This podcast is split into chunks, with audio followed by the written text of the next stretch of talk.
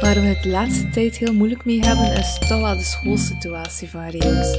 Op school gaat het op zich wel goed, maar omdat hij nog steeds niet praat, blijft het maar de vraag of dat hij zal kunnen blijven gaan naar, het, naar de reguliere school, waar dat hij nu zit. In september moet hij overstappen naar het eerste kleuterklasje. Hij zit nu nog steeds in het peuterklasje dat hij ja, opnieuw doet momenteel. En die overstap is voor Remus moeilijk. Uh, dat weten we omdat zijn juf even ziek was en hij moest dan even aansluiten aan het eerste kleuterklasje. En we merkten dat dat echt heel moeilijk is. Zo een andere juf, een ander klasje. Het zijn dingen die niet zo goed werken in zijn hoofd. En die juf zei dan nog dat ze eigenlijk maar met 17 kindjes waren en dat het eigenlijk wel echt meevalt ten opzichte van andere scholen. En ik weet dat, ik besef dat maar al te goed. Maar dat is natuurlijk ook wel de reden waarom dat wij gekozen hebben voor die specifieke school, die natuurlijk wel ietsje verder ligt dan de stadsschool, die ja, te voet haalbaar is bij ons. Nu, 17 of niet, het was duidelijk te veel voor onze Remus. En nu probeert de juf elke week eventjes met Remus samen naar het eerste kleuter te gaan, keer met haar, een keer zonder haar, zodanig dat Remus een beetje meer kan wennen. Maar Remus is echt verdrietig. Breekt precies een beetje zijn hartje. En kan niet zo heel goed inschatten wat er precies is. Is het andere omgeving? Is het de andere juf? Is het omdat het niet klopt, klopt in zijn hoofdje? Maar ik vermoed dat het voor hem echt heel moeilijk is om die routine van zijn eigen klasje en zijn structuur een beetje te moeten doorbreken. En nu weten we eigenlijk niet zo goed wat we daarmee moeten doen, wat dat we het beste beslissen voor volgend schooljaar in september.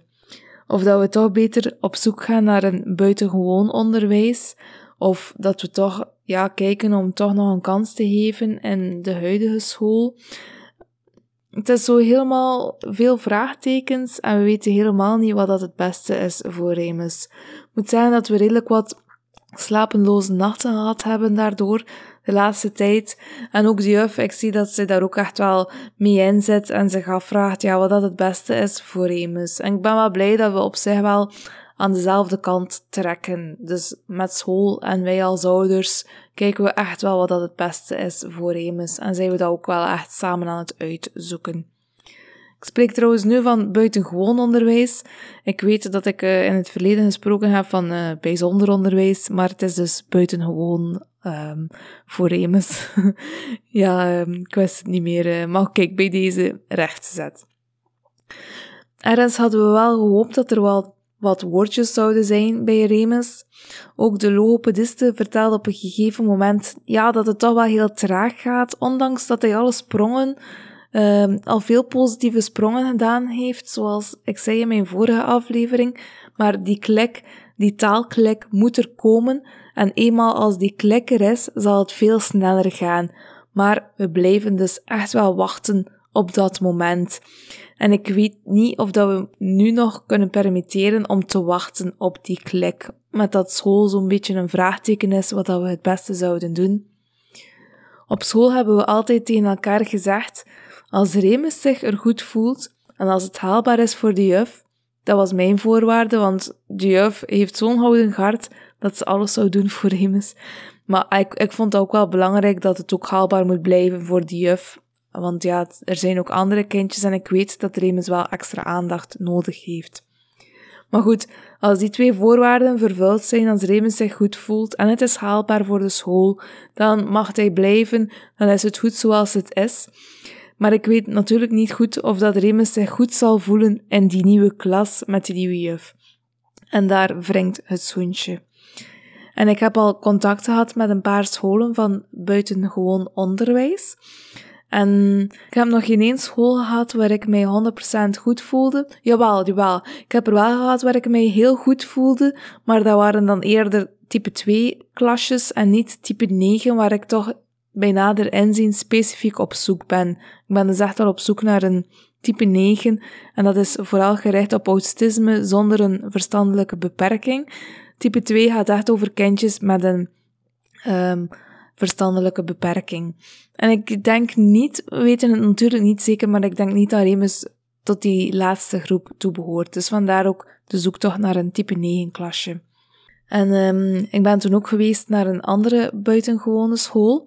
En dat was toevallig wel met type 2 klasjes, maar ik dacht ik ga toch even kijken. En dat was heel positief, moet ik zeggen. Remus mocht mee en de directrice zei direct dat ze kon zien dat Remus wel veel in zijn mars heeft en dat was wel echt een fijne ontmoeting. Ik kreeg toen ook een uitgebreide rondleiding en ik vond het al een heel andere warme vibe dan de andere scholen die ik tot nu toe bezocht had. Nu, ik vond de andere scholen ook goed, hè. begrijp me niet verkeerd. Dat was even een cultuurshock, zoals ik zei in mijn vorige aflevering. Van, uh, dat was keuze tussen regulier of buitengewoon onderwijs. Maar die school vond ik toch echt meer passend, warmer.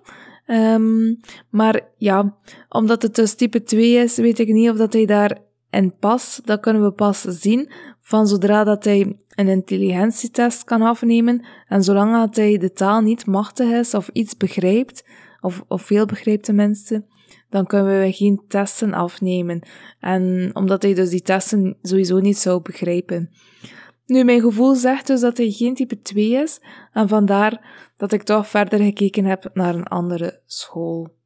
Ik zette mijn zoektocht dus verder, maar het is te zeggen, ik heb dat even on hold gezet, want ik had sterk gehoopt dat die omschakeling toch niet nodig zou zijn, dat hij zou kunnen blijven gaan naar zijn huidige school.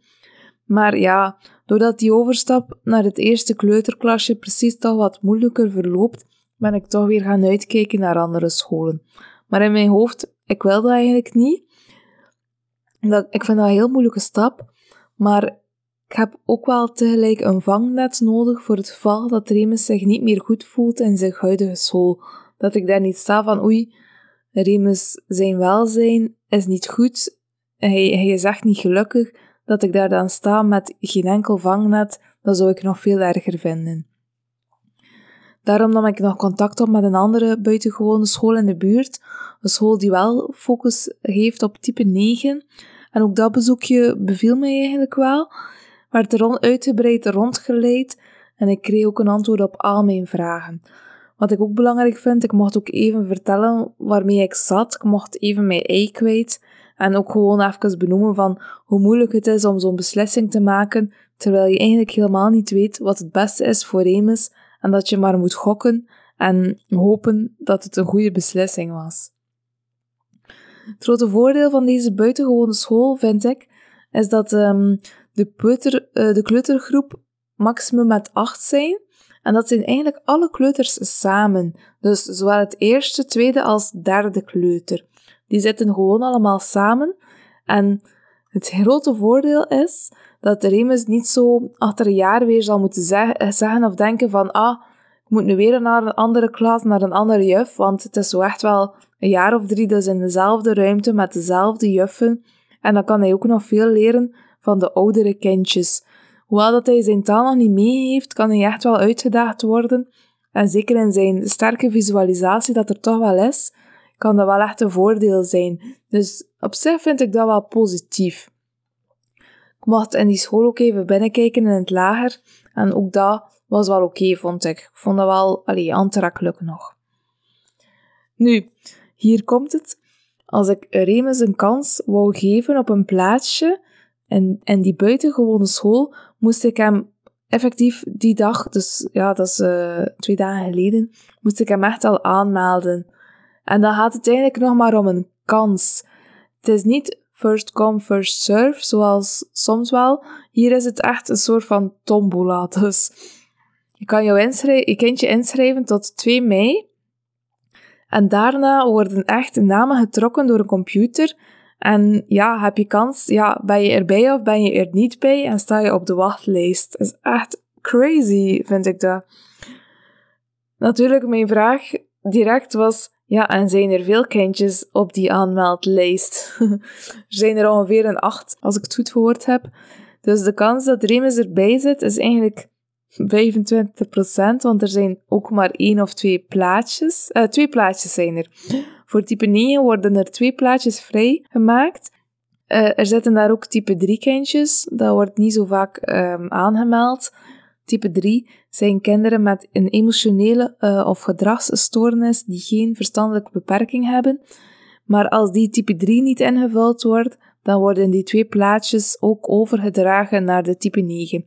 Dus afhankelijk van het aantal aanmeldingen zijn er 2 tot 4 plaatjes vrij. En heeft de Remus dus 25 tot 50 procent kans om aangemeld te worden. Uh, sorry, dus om effectief het plekje te krijgen, want hij is aangemeld door mij. Maar om het plekje, om, om te mogen inschrijven. Dus ik heb hem effectief aangemeld die dag. En midden mei gaan we weer meten of dat hij effectief geselecteerd is of niet. Nu, als hij niet geselecteerd is, dan komt hij op de wachtlijst terecht en krijgen de kindjes die wel geselecteerd zijn de kans om in te schrijven tot en met 30 mei. Als ze dan beslissen om hun kindje toch niet in te schrijven, dan worden de plaatjes vrijgegeven in juni. Dus als hij op de wachtlijst komt, kan het zijn dat hij nog een kans krijgt in juni. En anders hoop ik doorheen het schooljaar. Alhoewel, ja, ik weet eigenlijk niet of dat ik dat moet hopen. Ik weet ook niet, moet ik hopen dat hij meteen uh, geselecteerd is en mag starten in september? Of hoop ik dat hij op de wachtlijst terechtkomt, zodat we eerst nog even kunnen uitproberen met het eerste kleuterklasje? Of dat ik tenminste wat meer nadenktijd heb? Ik, ik weet niet wat het beste is. Ik weet ook niet waarop ik moet hopen. Ik vind dat eigenlijk verschrikkelijk, want er zijn heel veel ouders die waarschijnlijk echt wel hopen om dat ene plekje te kunnen bemachtigen. Maar hier is het echt een strijd misschien tussen mijn hart en mijn hoofd, want ik, ik weet het niet. Ik weet niet wat het beste is voor Remus en ik weet ook niet wat ik echt moet, met hopen, moet hopen. Nu, midden mei zitten we wel samen met het revalidatiecentrum en de reguliere school waar Remus nu naartoe gaat. En ik hoop dat ik dan wel een, een helderdere kijk zal krijgen om te kijken wat, welke beslissing dan nu echt wel het beste aanleunt voor Remus. Momenteel gaat hij naar de reguliere school en gaat hij dus naar het revalidatiecentrum, omdat dat nu het beste aansluit op de noden van de Remus. Um, het is het volgende, als, als de Remus naar het buitengewoon onderwijs gaat, is er daar uh, ter plaatse therapie in de klasjes zelf en zou hij niet meer mogen gaan naar het revalidatiecentrum. Dus je kan enkel maar naar een revalidatiecentrum gaan als je naar een reguliere school gaat. Er zijn al uitzonderingen, hè, maar dat is meestal wel de hang van zaken. Nu, dat is omdat dus die therapie ook aangeboden wordt in de buitengewone school. Dus daar zijn ook logopedisten in de klasjes zelf die dan eventueel in groep of individueel therapie geven. Maar ik heb al vaak gehoord dat, dat er daar grote tekorten zijn. Ik zeg niet in elke school, maar ik hoor dat toch wel vaker dat ze niet kunnen garanderen dat er wel individuele therapie kan gegeven worden. En dat is wel echt wat Remus nodig heeft. Dat heb ik ook bevraagd aan die school.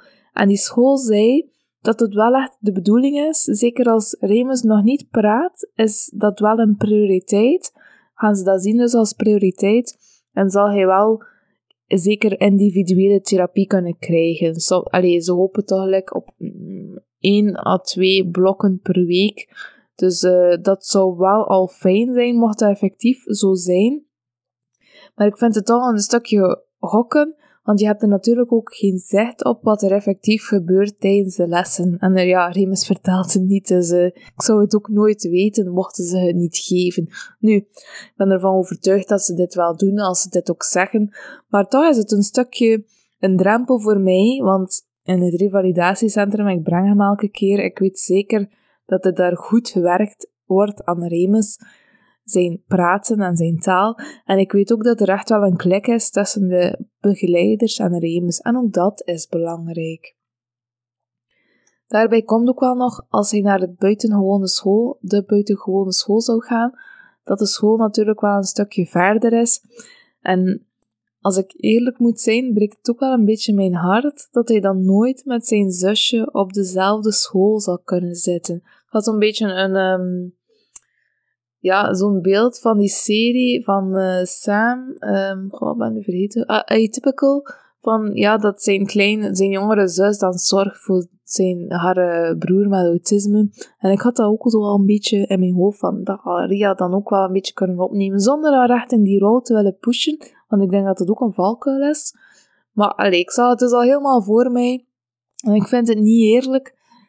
Ik vind het niet eerlijk dat wij dat nu moeten beslissen. Ik vind het niet eerlijk dat, dat het ons ontnomen wordt, dat het de Remus een stukje ontnomen wordt, dat het Ria ontnomen wordt. We moeten nu echt ook hier een beslissing nemen dat alles veranderend kan zijn. En ik heb werkelijk geen idee wat. Wat moet ik beslissen? Ik weet het niet. Is het nu echt tijd om op te geven dat Remus een normaal traject kan aangaan? Moet ik dan nu gewoon accepteren dat die overstap naar het buitengewoon onvermijdelijk is? Dat ik ze moet maken? Of moet ik standvastig zijn en toch blijven proberen volhouden in het reguliere onderwijs? Of moet ik toch echt plooien dat het buitengewoon onderwijs wel echt beter aansluit aan de noden van Remus? Ik weet het niet. Ik vind het heel moeilijk, echt waar. Ik, uh, nu, als ik zeg ik weet het niet, bedoel ik natuurlijk mijn man en ik. We praten, praten er ook heel veel over, maar wij kunnen niet, kunnen niet inschatten wat het beste is. En eerlijk, ik ontzie het mij ook om weer een extra plaats te moeten doen qua school. Er is wel busvervoer en zo, maar oh, hij is nog zo klein. Ik vind het helemaal niet eerlijk dat wij die beslissingen moeten maken, dat wij zoveel moeten in ons leven organiseren, allee, in een kader van, van Remus zijn noden. Allee, doe dat met veel plezier, maar dat is ook heel zwaar en ook heel veel vragend uiteindelijk. We doen het echt, hè? we doen het met plezier. We zien hem zo graag, we willen hem alle kansen bieden.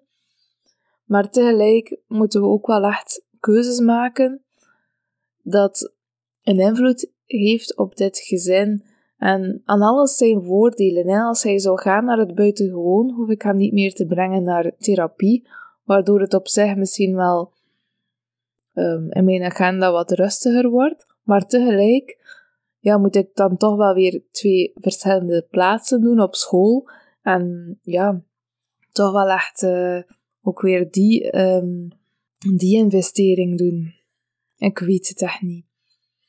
Mijn man zei ook onlangs dat wij echt wel moeilijkere kaarten toebedeeld kregen. En dat klopt ook wel, denk ik. Remus is eigenlijk niet moeilijk. Ik vind hem zelf redelijk gemakkelijk, ook in omgang. Maar zijn autisme maakt het voor hem op zich wel moeilijker en ons ook, omdat de maatschappij heel weinig rekening houdt met andersdenkenden.